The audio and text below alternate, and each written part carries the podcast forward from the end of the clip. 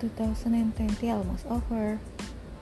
And this year wasn't just about the hardship we have faced bukan hanya tentang bagaimana kita terjatuh dan kesalahan yang kita perbuat tapi tahun ini juga tentang bagaimana kita bertumbuh bagaimana proses yang telah kita lalui dan bagaimana kita menjadi lebih kuat untuk menjalani hari-hari yang lalu.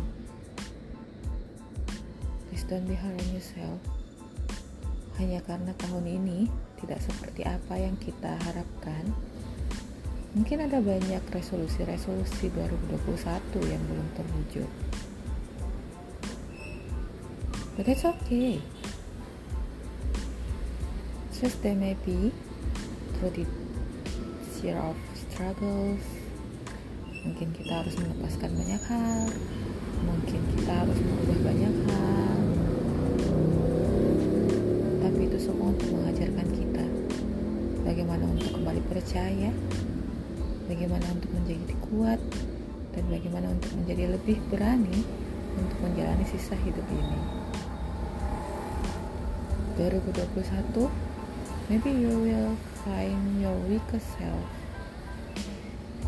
but you also find your strongest version of yourself.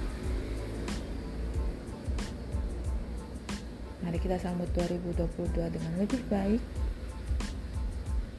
Mungkin akan banyak hal amazing yang terjadi di sana.